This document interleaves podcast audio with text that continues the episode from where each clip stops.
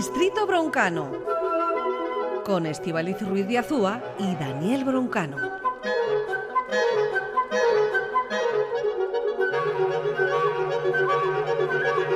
Nueva entrega de nuestro curso por fascículos que nos lleva por esas distintas músicas o distintos mundos musicales no yeyes.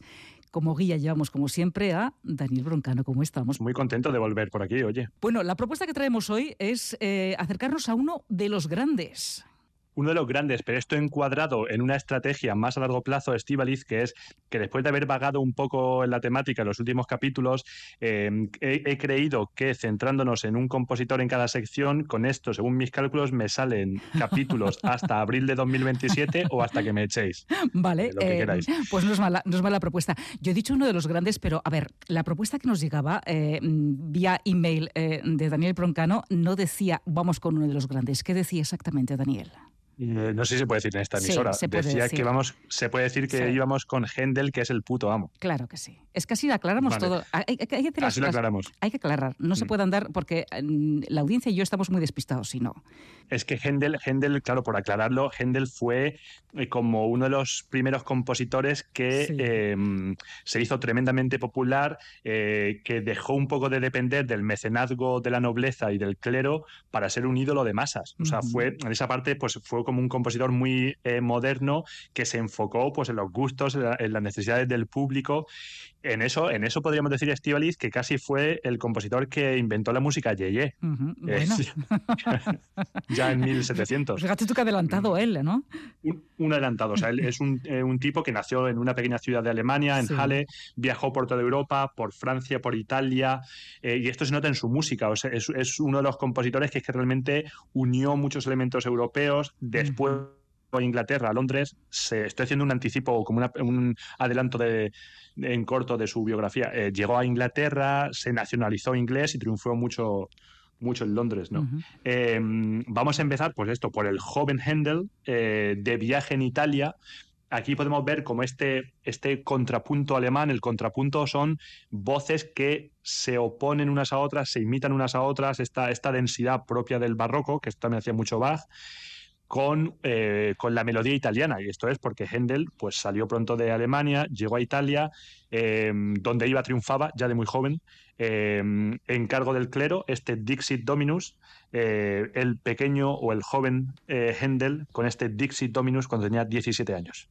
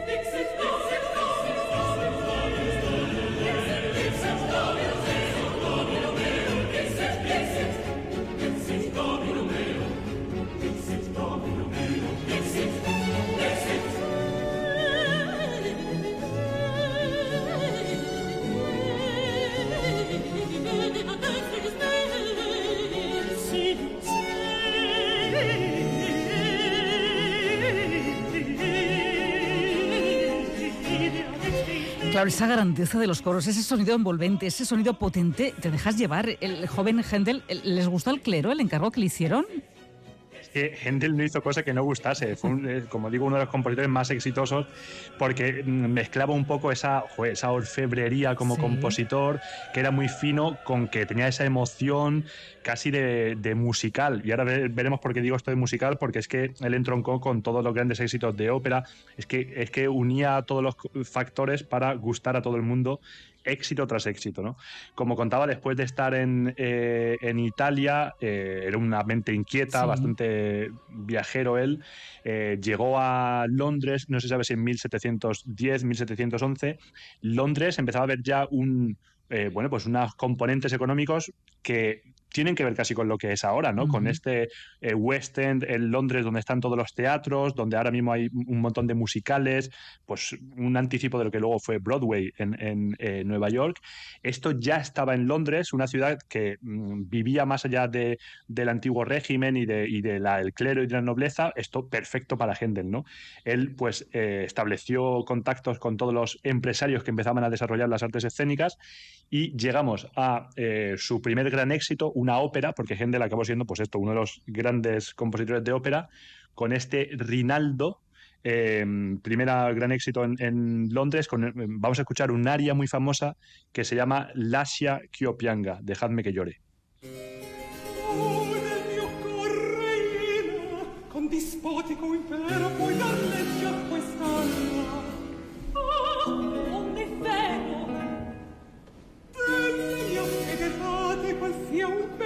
Pegno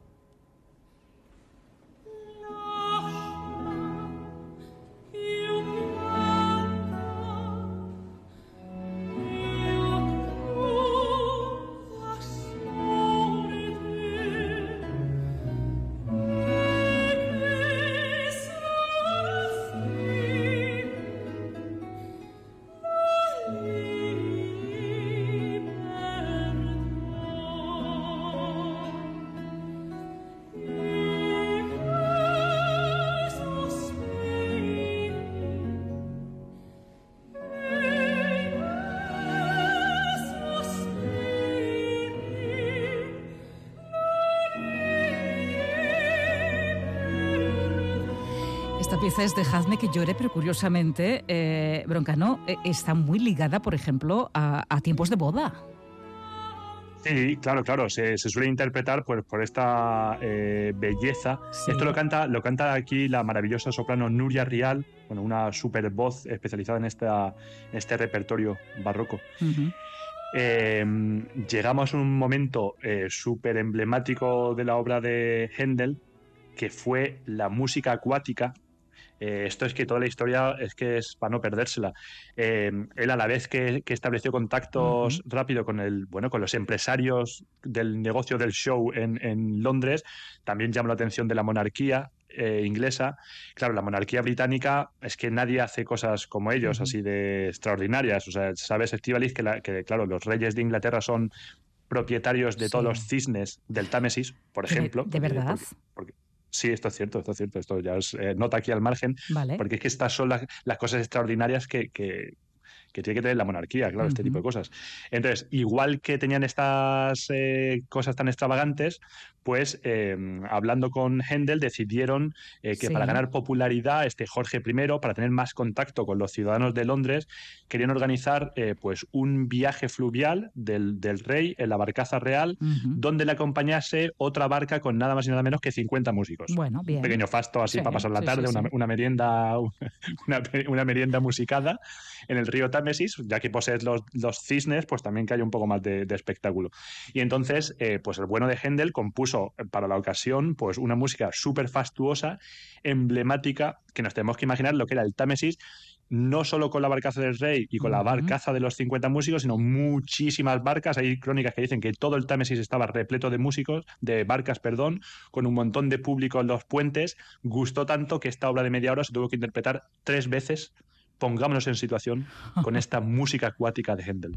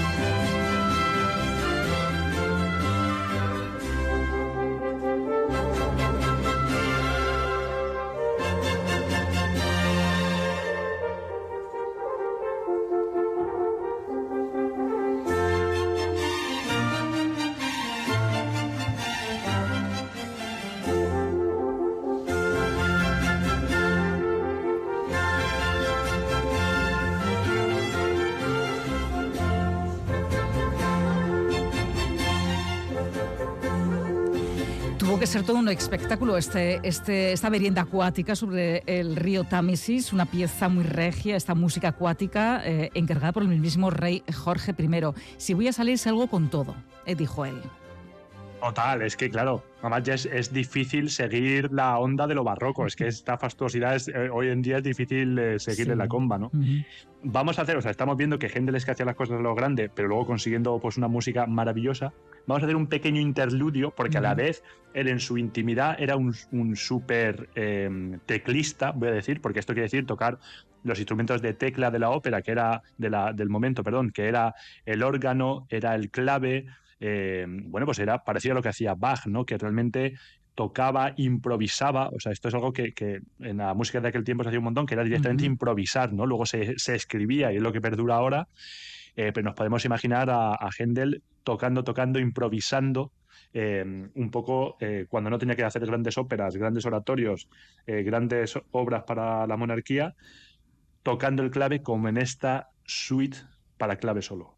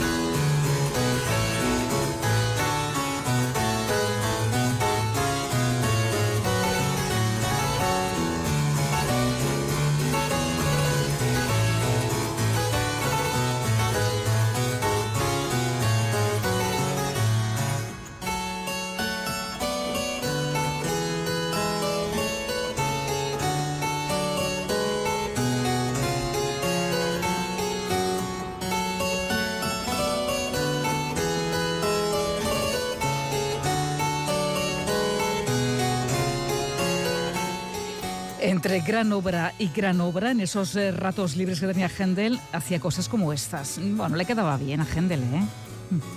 Vamos, es que además se, nota un poco que la energía la tiene en todo, ¿no? Em, podemos, podemos oír casi la orquesta en estas piezas para teclado.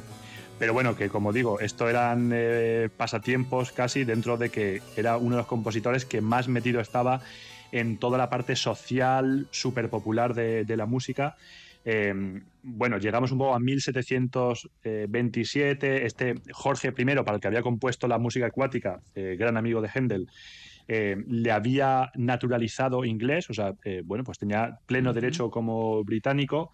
Jorge I falleció, llegó Jorge II y claro, pues, pues Händel, pues ahí, ahí estaba también ojo a visor a cómo tener presencia también en este nuevo reinado compuso unos himnos de coronación que es como lo más grandioso del mundo.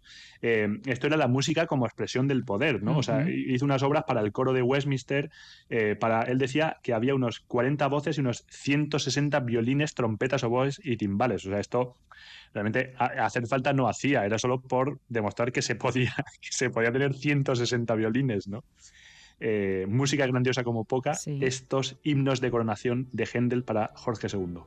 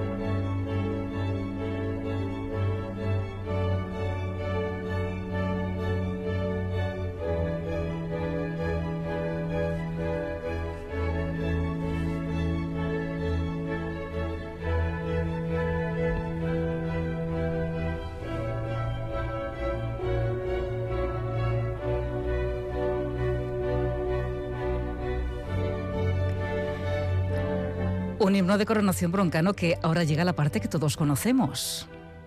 Es que aquí tienes que imaginarte a Jorge II caminando por el pasillo central de Westminster. Claro, pero esta parte sí que la conocemos. Esta parte sí que la conocemos.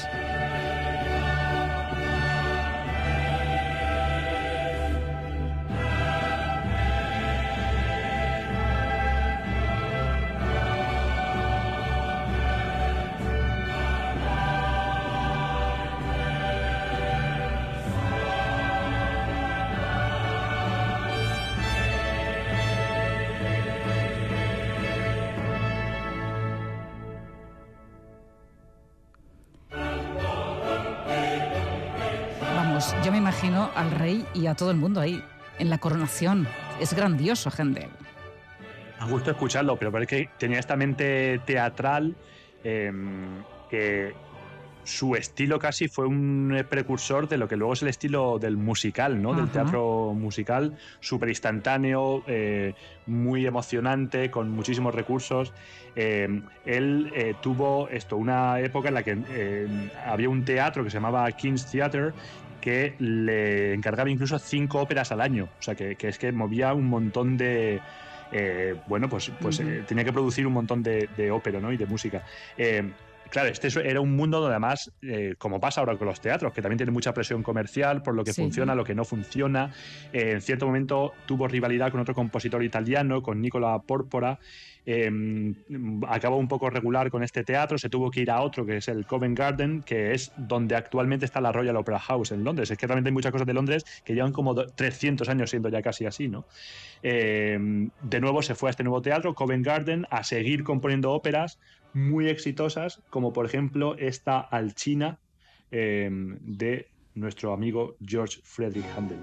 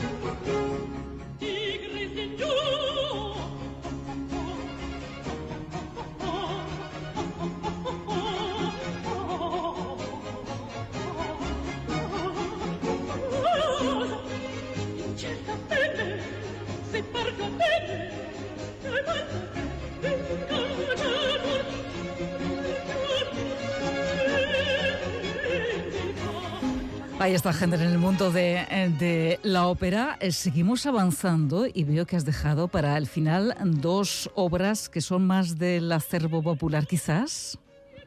Total. Eh, él en cierto momento decía a Händel que esto de las óperas, que digo que es que compuso 40, o sea, fue de los compositores que más, que él no era tan buen compositor de óperas, esto era porque tenía siempre mucho debate de si vendía suficientes entradas o no. Eh, empezó a componer cada vez más oratorios, eh, los oratorios, digamos, que no están tan teatralizados, ¿no? Eh, o sea, es, tiene como un texto, cuenta una historia, pero no tiene escena. Hay oratorios que son sobre cualquier tema y otros que son religiosos. El más famoso que, hizo, claro, es el Mesías. Eh, esto se lo encargaron en Dublín. Es que a, a Händel siempre le requerían, ¿no? Ven aquí que te queremos eh, eh, dar un eh, galardón y que hagas un concierto benéfico. Y una vez que iban le encargaban más cosas. Esto pasó en Dublín, casi con el afán de que se quedase allá a vivir y a, Ujú. y a mover la escena musical, ¿no? Entonces, en Dublín compuso este Mesías en, 19 en 1742. Eh, bueno, la gente dijo que no estaba mal, en aquel momento no tuvo tanto, no, no despertó tantísimas ansias. Eh, luego volvió a Londres, allí se empezó a tocar y no hace, y es la obra como más interpretada eh, siempre antes de Navidad o muchas veces antes de Navidad, Sí. pero vamos, es de las obras más interpretadas de la historia de la música, claro, porque es que el Mesías suena así de bien.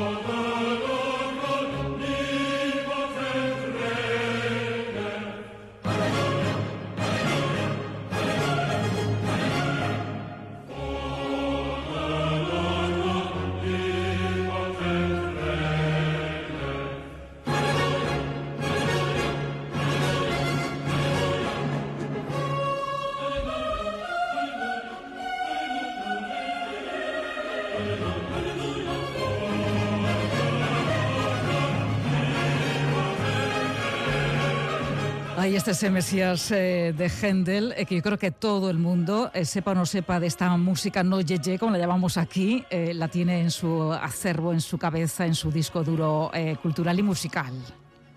Es que yo diría que Händel corre por nuestras venas. O sea, es que es que ha ido pasando nuestro ADN, ¿no? Ha, ha construido un poco la historia de la, Sí. de la música. Y es que hay, o sea, eh, un día habíamos hablado de este Dixit Dominus y de, y de eh, Queen. Es que hay parte que construye eh, parte del, del teatro musical, incluso de la música pop, es que coge directamente elementos de esta teatralidad de, eh, de Händel. Por rematar, una de sus obras que también era para estas locuras de la monarquía, estas extravagancias propagandísticas, eh, música para los reales fuegos de artificio. Esto, pues el nuevo, el bueno Jorge II también quería hacer pues un pequeño fasto, así como una, una merienda un poco festiva de estas que hacían ellos, eh, con unos pequeños fuegos artificiales para miles de personas Sí. eh, encargaron a Händel que compusiese una canción eh, para tal acto, se puso a ello. Hay que decir que el evento en sí fue un auténtico desastre porque construyeron un edificio, o sea, construyeron un edificio, construyeron un edificio de manera para los músicos, ¿no? Sí. Este era el nivel de, de- de esfuerzo para ello. Lo construyeron de madera y, claro, madera, fuegos artificiales, Mm. aquello salió ardiendo. Eh, no hubo víctimas mortales, pero mm, no pudieron dejar, no pudieron completar la obra. Eh, sin embargo, sin embargo, la habían tocado unos días antes, eh, seis días antes, en un ensayo público al que eh, cuenta la crónica que se creó un atasco de carruajes en el puente de Londres, eh, que hubo unas 12.000 personas. Eh, mucha preparación, como digo, para luego salir ardiendo el día de la representación. Bueno, hay cosas que, que salen así la primera vez y luego Estíbaliz sobreviven siglos, como, eh, porque es que esta música se sigue tocando aunque el día del estreno fuese el desastre total. Pues con ella nos vamos a quedar y te diré que nuestro podcast de este distrito bro- broncano, hoy vamos a subirlo con ese nombre, ¿eh? Händel el puto amo. Así va a ser. Me parece muy bien. ¿eh? Para que quede claro ah, de quién hablamos, ¿no? Porque las Asumo cosas- las culpas del título. Daniel Broncano, un placer como siempre transitar por estas tardes. Es que ricasco. Eh, es que ricasco y espero que amemos un poquito más a gente el después de hoy. Con él nos quedamos. Agur.